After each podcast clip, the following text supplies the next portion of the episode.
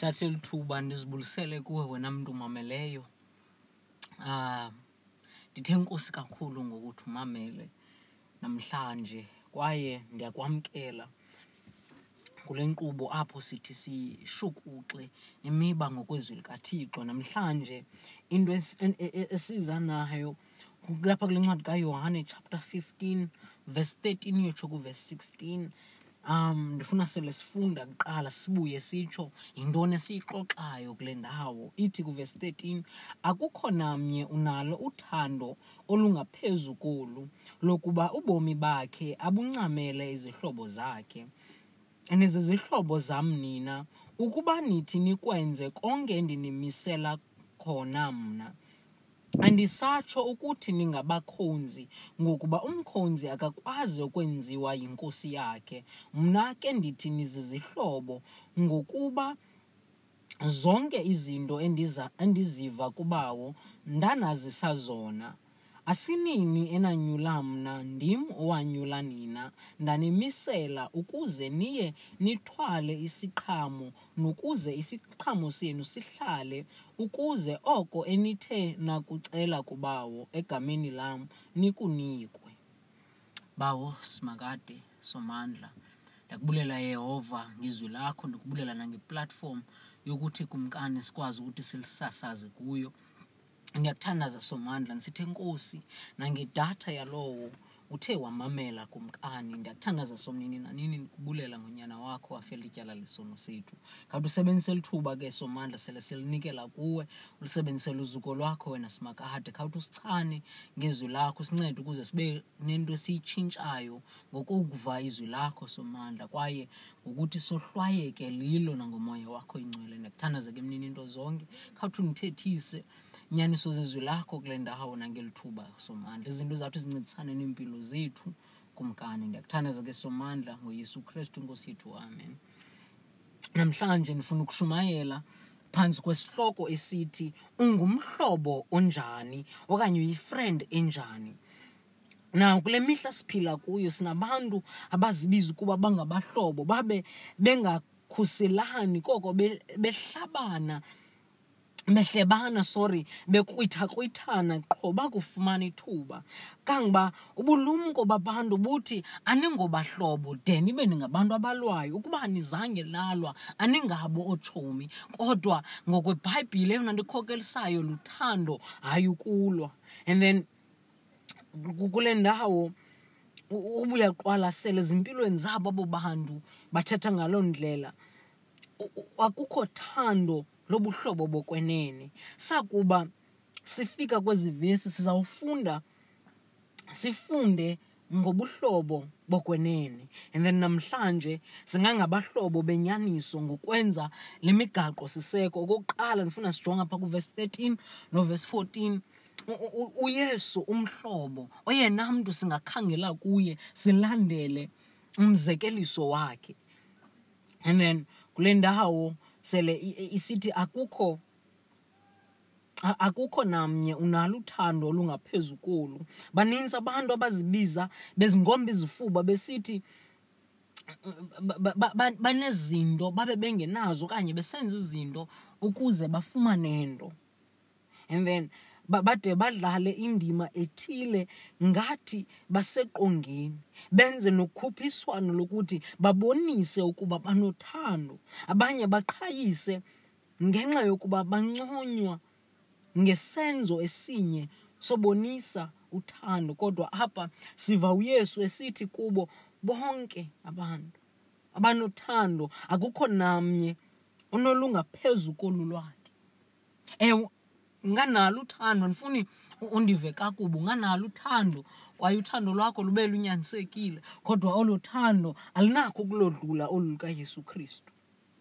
Alinakho kulodlula olu lwakhe and then eligama uthando lubonisa inkathalo nokwenza into ungenanjongo yokuba ungathi uzuze nto ngayo nokwenza into ungaqhutywa ngamntu uzicingele loo nto leyo. Ungabikho mntu uthi yenza le nto kodwa uthathe inxaxheba ngokunokwakho ncwadi kayohane chapter 10 verse 17 and 18 ithi ngenxa yoku ubawo uyandithanda ngokuba mna ndibuncama ubomi bam ukuze ndibuye ndibuthabathe. Akukho namnye ubuhluthayo kum. Ndiyabuncama mna ngokwam. Ndinegunya lobuncama ndinegunya lokubuya ndibuthathe. Lo mthetho ndawu- ndakwa- ndawamkela kubawo hakuba uyesu kule ndawo esazi ukuba ngenxa yokwaphula kwethu umthetho kathixo ukwenza kwethu oku kulungileyo emehlweni ethu noku- nokubi emehlweni kathixo. Sisophula intliziyo kathixo sithandayo wangenelela wazincama wabeka ubomi bakhe esichengeni wafifela ityala lesono sam. Ethabathela ityala lam kuye wacingela wena kunye nam wayenza le nto ngothando. And then kwabasefilipi chapter 2 verse 7 ithi xa ifundeka usuke wazihluba wathabatha ubume bomkhonzi enziwe wafana nabantu. Uthando lwamenza azihlube azikhulule ubume bakhe bokwenene enguthixo ongalawulwa lixesha nendalo kodwa wavumela ukuthi zibe nendima eziyidlalayo ebomini bakhe. Wathenga uthixo wadala izulu nehlabathi esiso isiqalo nesiphelo engumnini into zonke engukumkani kakumkani. Wazenza umkhonzi sicaka intlekisa into engento wafana nathi ngokuthi abe ngumntu. Wasuka ekubeni abe engumdali wazenza ngokwendalo yakhe. Wavumela ukuthi imbethe imtyakatye imtshicele kube qhutywa luthando. Ngoluthando lwakhe lamenza zincame qhubekeka isithi lokuba ubomi bakhe abuncamele izihlobo zakhe.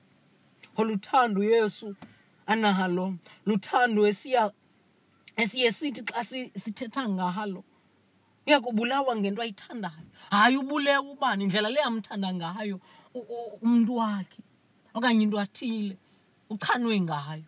Uyesu kristu kule ndawo ukuba besingathatha lo saying sibe siyithatha in a negative manner.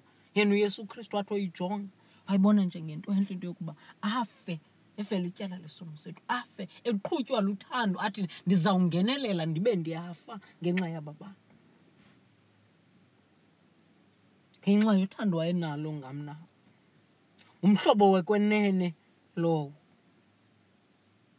ngabe uyinhloboni yomhlobo? Selujonga ubomi kakristu ujonga obakho ncwadi yabaseroma chapter 5 verse 7 and 8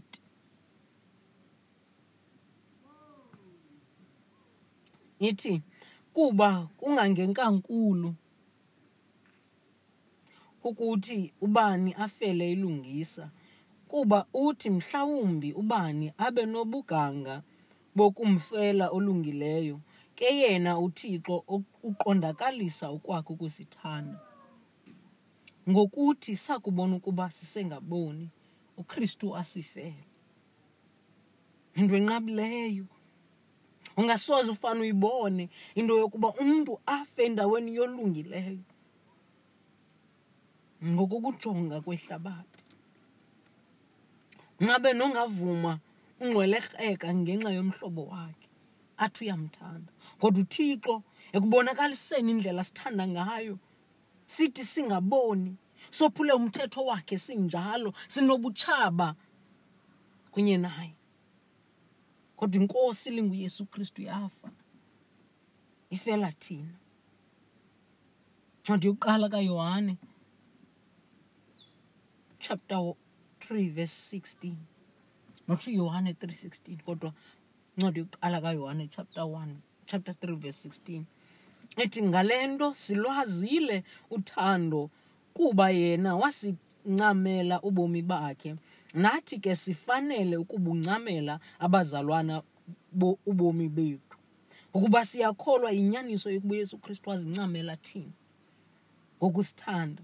Nathi simele ukuzincama sizincamela abanye. Sibonise uthando lobuzalwana ngokukhathala ngabanye. Sincame ixesha lethu sithandaza ngabo sibakhuthaza ngezinto eziza kubasondeza kuthixo. Sibandwendwele sibaxelele siyabathanda kwaye sibancede naxa bexakekile. Kwabase-efese ithi nihambe eluthandweni kwanjengokuba naye uthi uKristu wasithandayo wazinikela ngenxa yethu ukuba abe ngumnikelo nedini kuye uThixo ukuba abe livumba elimnandi. uPawulos uyasikhuthaza esiyalela ukuba sibe ngamaKristu okwenene sibe ngabahlobo abafana no, nomhlobo oyinkosi uYesu Kristu. Sizinikele ukuthi sibe luncedo kwabanye sibe livumbe limnandi kwabanye. Bathi sele besibona bazi bazawuthi baxole. Bathi besibona bazi ukuba kuzawuba mnandi ngoba kutheni? Kukho abahlobo basithi baza kuzincama. Funa nam kuvesi 14 ethi nizizihlobo zam nina. Nizizihlobo zam nina. Ukuba bendingakubuza ubungathanda bani abe ngumhlobo wakho okanye wena ube ngumhlobo wakhe kosaziwayo nabantu abanemali. Ubungakhetha bani mhlawumbi ubungakhetha uCyril Ramaphosa kuba engumongameli wehlaba olizwe eli laseMzantsi Afrika. Mhlawumbi ubungakhetha uBig Zulu kuba engusaziwayo ngokudumileyo mvanje ukuthi abe ngumhlobo wakho. Ndiyazi. Kodwa kule vesi ngumsindisi waboni. Ilitye lembombo. Unkosi kankosi uthi thina bakholwayo kuye thina zidalwa zakhe boni abonayo singabahlobo bakhe sihlala sinaye okanye uyibeka kakuhle uhlala enathi ubest friend forever wenyaniso. Sathi sikude namadinga kathixo wasisondeza. Kunobutshaba phakathi kwethu nothixo. Uyise. Ngonyana lowo ngumhlobo kuthi sakwazi ukuxolelaniswa. Ngalo mhlobo njalo. And then funda kwalapha. Ithi ukuba nithi nikwenze konke endinimisela khona mna. Abahlobo bokwenene ngabahlobo abo abavisisanayo omnye akumamele okuthethwa ngomnye. Yaye ukuba siza kuba ngabahlobo bakaYesu nokuba uza kuba ngumhlobo wethu yena nanjengomhlobo okhathalayo ngathi unengcebiso nendlela eyiyo yokuphila ubomi. Ukuba silumkile okanye sinobulumko siza kuthatha ezingcebiso siphile ngazo senze ngobunjalo bazo ngoba sitheni simamele ukuthetha kofriend wethu? Funda nami uncwadi kaluka chapter 8 verse 21 ithi waphendula ke yena wathi kubo uma nabazalwana bam ngaba bona balivayo ilizwi likaThixo balenze ukuba siza kuba ngabazalwana benyaniso ukuba uYesu Kristu ngumhlobo wethu wokwenene asizokuthi silive qha ilizwi lakhe. Ngoko siza kulenza njengoko libubomi alukho uthando olufana nolu. uYesu wasithanda ngalo bathandekayo. Uthando lokuzincamela aboni abafanelwe lidike lomlilo ngonaphakade ukuze asixolelanise noThixo uyise. Ngabe ukhona umhlobo njengawo lo. Khona umhlobo njengoYesu ebomini bakho. Wena ngabe ungumhlobo kaYesu? Selusithi ewe ndingumhlobo wakho uYesu uyalenza ilizwi lakhe. Funa nami kuvesi 16 okwesibini verse 15 and 16 sele simbonile lo mhlobo nguyesu. Ndifuna sijonge ukuba ngumhlobo kayesu. Yithi kuvesi 15 andisatsho ukuthi ningabakhonzi ngokuba umkhonzi akakwazi ukwenziwa yinkosi yakhe. Kwizifundo zethu zangaphambili nakwizahluko ezidlulileyo uyesu uthi afundise ukuba singabakhonzi ukuba sithi senze i- i- i- ukuthetha kwakhe. Ngoku o- ubudlelwane u- ubususa kwe- u- kweli nqanaba lokuba singabakhonzi abuse kwelinye izinga ngokusibonisa ukuthi simele ukusondela kuye. Senze oko akuthethayo kube kungaphumi kwintliziyo efuna ukuba sezincwadini ezintle kwenkosi nomphathi wayo kodwa sikwenze kuba simthembile njengomhlobo wokwenene onganakusilahlekisa njengoko singabahlobo asisengabo abakhonzi kuphela. Nene ligama lithi umkhonzi lithetha ukuthi u- ukukhonkxwa ngento ufakwe amatyathanga nokuthi uthobe phantsi komntu n- nento ngokuzifunela. Nangokunyanzelwa ube usenza okuthile ukwenzela lowo uyinkosi. Uyesu kristu akathethi ngolo hlobo ngoku uthi eyona nto siyiyo singabahlobo. And then kwalapha kuvesi 15 ithi mna ke ndithi nizizihlobo mna ndithi nizizihlobo. Isibonisa ukubaluleka kwale ndlela sibona ngayo. Le nto njengokuba ebeyikhankanyile ngaphambili ukuba khange uyive uthi ayiphinde ngokuyitsho kwakhe kwakanye bekwanele njengothixo kodwa uthi ayigxininise ngobudlelwane esinabo naye. Engumhlobo wethu sizizihlobo zakhe singaza kuye sixhomekeke kuye. Kangoba sixhomekeke singathi sixhomekeke nakubani na?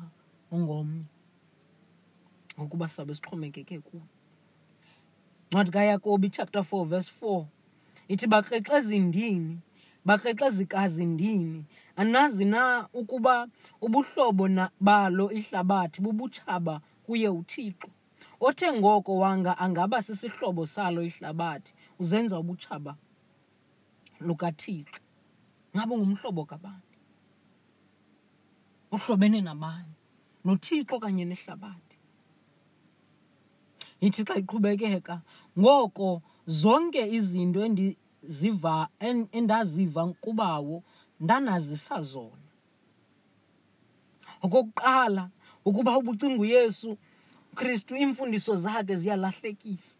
Okanye njengoko amayuda ecinga iimfundiso zakhe zezedimoni ukuba ubucinga njalo uyaphazama. Ngokuba yonke into awayeyithetha eyifundisa ezekelisa ngayo iyinto awayifundiswa wa- wayaziswa wayiva nguthixo uyise ngobawo into ethi imfundiso asifundisa zona ziyinyaniso.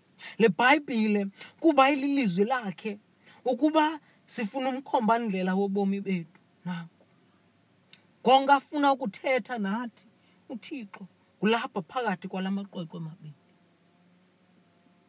And then ncwadi kayohane chapter 5 verse 30 ithi mna ngokwam andinakwenza nto njengoko ndivayo ndi, ndigweba ngako. Nomgwebo wam ububulungisa ngokuba andifuni kuthanda kwam ndifuna ukuthanda kukabawo owandithumayo. Akenzi nanye uyesu kristu into engakhange aqale kubawo okanye enza into ezawuthi yanelise yena. Ngenxa yobudlelwane obukhoyo phakathi kwakhe nothixo. Wenza oko kuzisa uzuko kuthixo. Ngaba yintoni oyenzayo ukuze uzukise uyesu umhlobo wakho. Sele usithi unabo abahlobo ingabe ungumhlobo njani kubahlobo bakho? Ngabe ufunela wena into yoba kuhleli nje kuwongwa wena kuhleli nje nangokuba sisiza kwixesha lekrismesi ujonge izipho kubahlobo bakho. Okanye nguwe oba ngumhlobo onikelayo ncwadi kayohane chapter 8 verse 26 ithi ndineendawo ezininzi zokuthetha nokugweba ngani. Lowo wandithumayo uyinene. Ndithi ke mna izinto endazivayo kuye ndithethe zona ezo kwihlabathi. Njengomntu othunyiweyo uthetha enze kanye oko akuthunyiweyo lo yesu kristu. Yaye sinelizwi likathixo ezandleni zethu usazisa ngako konke akucebisa nakucebayo ngabahlobo bakhe. Asikwazi ukuthi asimazi lo mhlobo wethu into nayifunayo ukuthi ngoba usinikile into asifunayo. Ngathi egenesis chapter 18 verse 17 ithi wathi uyehova ndomfihlela na uabraham into endiza kuyenza? Uthixo sele ezawutshabalalisa isodom negomora. Wazibuza angangamazisi na uabraham umhlobo wakhe ngoko? Abe e- e- e- enomtshana wakhe ulote ophaya wamazisa njengomhlobo. Nencwadi yendumiso chapter 25 verse 14 enye verse endizithanda kakhulu. Ithi ukucweya kukayehova kunabamoyikayo ubazisa umnqophiso wakhe udavide wayenemfihlelo wayeyazi. Imfihlelo zikathixo uziveza kwabo bazithobayo kuye bamhlonelayo abo bathi basondele babe sebudlelwaneni kunye naye abo bathi babe ngabahlobo bakhe. Yesu kristu uthi kule ndawo singaba abahlobo bakhe. Ngaba singabahlobo abanjani thina? Verse 16 ithi asinini enanyula mna ndim owanyula nina asisithi abazinyulela ukuba uyesu kristu abe ngumhlobo wethu. Ingesithi owanyula ukuthi abe uza ezantsi emhlabeni azokufa nangona wayeza kufela ityala lesono sethu. Asizange sizifunele ngokwethu ukuba sazane naye aze abe yinkosi ezimpilweni zethu. Kodwa nguye owazikhethela oko ikwanguye nowo- noweza ukuze abe azokwenza ukhetho lokuba abe nabapostile abantu abaza a- a- aza kubathuma ukuba bahambise iindaba ezilungileyo bayongqina ngaye and then kule ndawo kuverse 16 olunyulo athetha ngalo lolunyulo losindiso kodwa lunyulo lomsebenzi.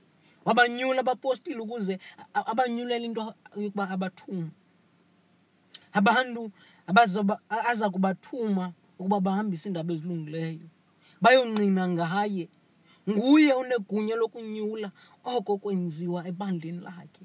Nokuba kwenziwa ngubani? Ncwadi yezenzo chapter 10 verse 42 ithi wasithethela ngelithi masivakalise ebantwini siqononondise ukuba yena nguye o- owumise omisiweyo nguthixo ukuba abe ngumgwebi wabaphilileyo nabafileyo. Upetros uthangqine ngaye nabanye abapostile kukoneli intlanga yayizoyikela uthixo ayazise ngonyulo abalunyulelwayo. Injongo yokukhethwa kwabo hayi kuba babekhethekile kodwa ukuze uyesu kristu aguqule ihlabathi ngabo. Ncwadi kamateyu chapter 28 verse 19 and 20 ithi yawuthetha hambani ngoko niye kuzenza abafundi zonke iintlanga nibabhaptizela egameni loyise lonyana lomoya oyingcwele. Nibafundisa ukuba bazigcine zonke izinto endiniwisele umthetho ngazo. Babenyuliwe ukuze bavakalise bafundise ngoyesu kristu owabethelelwayo. Ncwadi yesibini katimoti ithi uthi, ne, uthi nezinto owazivayo kum ngamangqina amaninzi ezo uzibeke phambi kwabantu abathembekileyo bona baya kulingana ukufundisa nabanye. Upawulos wakhetha ukusebenza notimoti kwaye amfundise ngenxa wayethembekile efuna ukuphilela uthixo. Uthi amkhuthaze ngokuthi anyule amanye amadoda aza kuwafundisa ukuze nawo afundise awawo ibandla likathixo kumele liqhubekeke lizireproducer ngokuthi abantu bafundisane. Kwalapha kuverse 16 ithi ndanimisela ukuze niye nithwale isiqhamo nokuze isiqhamo senu sihlale ukuze oko enithe nakucela kubawo egameni lam nikunikwe. Ekunyulweni kwakho ngoyesu naseku- nasekubanyuleni kwakhe abapostile wabanyula ngenjongo wabanyula ukuze kubekho umsebenzi othile abaza kuthi bawenze. Babonakalalise iziqhamo nokuze kuvele oko bakunyulelweyo. Ingabe sisiqhamo sexeshana kodwa esingapheliyo.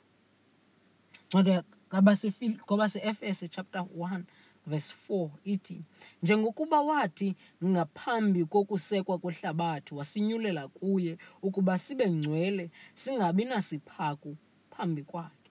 Njengoko wonke umntu ozamkelela uyesu eguquka ezonweni zakhe wanyulela ukuba abe njengokristu abe neziqhamo zobungcwele nokungasoleki phambi kokuba lisekwe ihlabathi kunobizo luxabiso lwalo lukhulu kwabo bazibiza ngoba bangamakristu.